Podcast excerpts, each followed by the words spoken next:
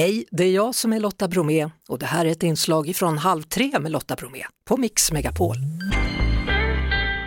Och ni hörde i nyheterna, människor är förbannade och ledsna och irriterade på SJ.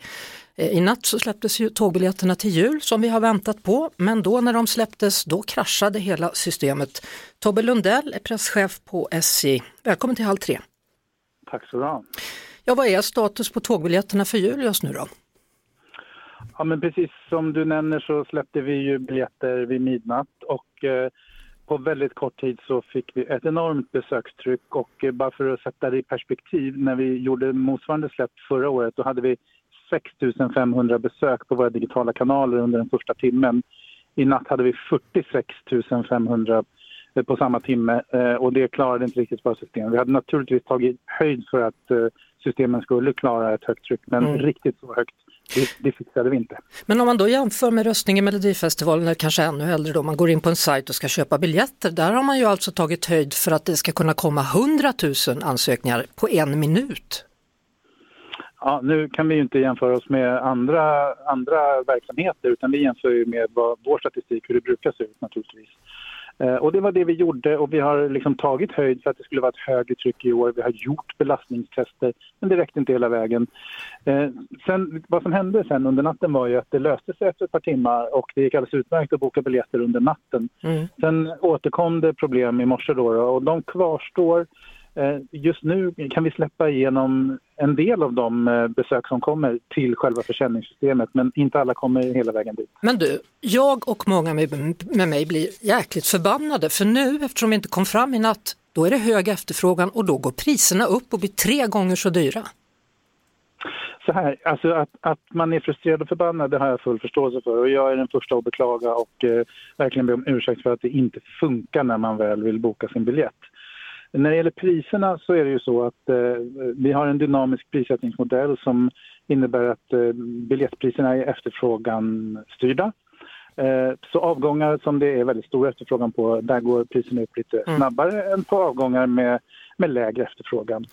Eh, det man har sett under natten är ju då att, eh, att biljetter tickar iväg fast man själv inte kommer åt någon. Mm. Och så går, sticker priset iväg upp på de avgångarna och det är klart att det är frustrerande när, när det sker framför ögonen på en. Ja men, men förstår du att det känns liksom, jaha, då kraschar sidan, vad bra för SJ för då kan de gå med vinst igen på julbiljettsförsäljningen.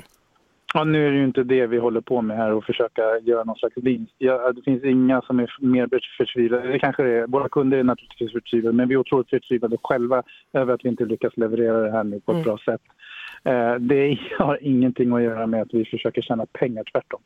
Så vad vill ni säga till de som är desperata nu och vill veta hur de ska ta sig hem över jul? Ja, men jag vill säga så här att eh, jag än en gång, för vi har ju haft tidigare problem med olika saker, än en gång så vill jag be om lite tålamod. Jag vill be om ursäkt för att det inte funkar. Eh, jag föreslår att ta det lite lugnt, försök att gå in kanske ikväll, kanske vi har kommit till rätta med det här, kanske imorgon. Eh, jag har tyvärr ingen tidpunkt för när, jag vet att det kommer att vara löst.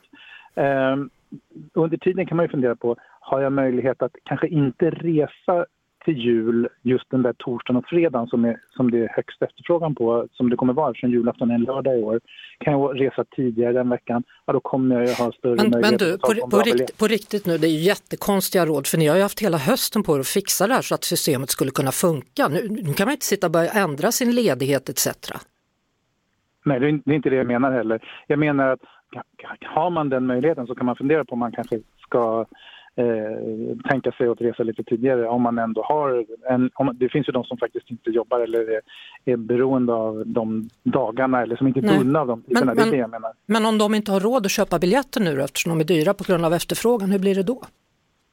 Ja, men det är det jag menar, att just de dagarna då det är mindre efterfrågan i början på den veckan, de sticker ju inte iväg i pris på det sättet, utan det är ju eller jag ska säga så här, det här är ju en konsekvens av att vi har fått tidtabellsplaneringen från Trafikverket alldeles för sent, sex veckor för sent. Mm. Och det här är en av de negativa konsekvenser som det innebär för våra Ja. kunder och det är ju väldigt beklagligt, det håller jag med om. Ja, jag orkar inte ens gå in i den diskussionen men du kan gå in på podplay.se för där var både ni och Trafikverket här för en och en halv månad sedan och pratade om att allting var frid och fröjd och nu skulle allting lösa sig och ni hade ingenting otalt. Så du får gå in och kolla där Tobbe Lundell, presschef på SJ. Tack så mycket, det var det. Vi hörs såklart igen på Mix Megapol varje eftermiddag vid halv tre. Ett poddtips från Podplay. I fallen jag aldrig glömmer djupdyker Hasse Aro i arbetet bakom några av Sveriges mest uppseendeväckande brottsutredningar. Går vi in med hemlig telefonavlyssning och, och då upplever vi att vi får en total förändring av hans beteende. Vad är det som händer nu? Vem är det som läcker? Och så säger han att jag är kriminell, jag har varit kriminell i hela mitt liv men att mörda ett barn, där går min gräns. Nya säsongen av Fallen jag aldrig glömmer på Podplay.